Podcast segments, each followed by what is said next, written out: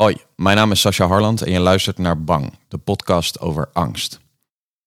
Ik ben deze podcast begonnen omdat ik zelf, met name in mijn kinderjaren, regelmatig last heb gehad van angsten.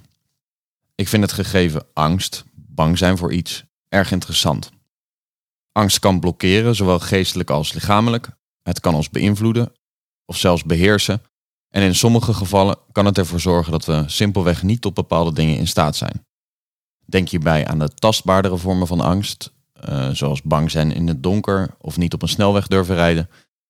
Maar ook aan de minder tastbare varianten, zoals bang zijn voor het maken van grote levenskeuzes of een angst voor de dood. Wat mij geholpen heeft met het grotendeels overwinnen van mijn eigen angsten, was eigenlijk altijd maar één ding: erover praten. Het erover hebben met anderen. Met familie, vrienden, naasten. Het delen van waar je bang voor bent. Het openstaan voor een gesprek hierover. En niet in de laatste plaats erachter komen dat je misschien ook angsten met elkaar deelt, maakte het voor mij concreet. Het zorgde ervoor dat het door mijn eigen brein gevormde moeras van angst steeds verder en verder opdroogde, waardoor ik er minder snel in wegzakte en er op den duur zelfs op kon lopen, kijkend naar mijn eigen angst. Ik had mijn angst en ik was mijn angst niet meer.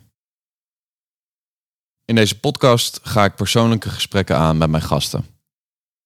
Door zelf met anderen te praten over angst, hoop ik dat de luisteraar dit misschien ook zal doen. En dat we met z'n allen het taboe rondom dit thema kunnen doorbreken. Met deze podcast wil ik het gesprek over angst eigenlijk toegankelijker maken.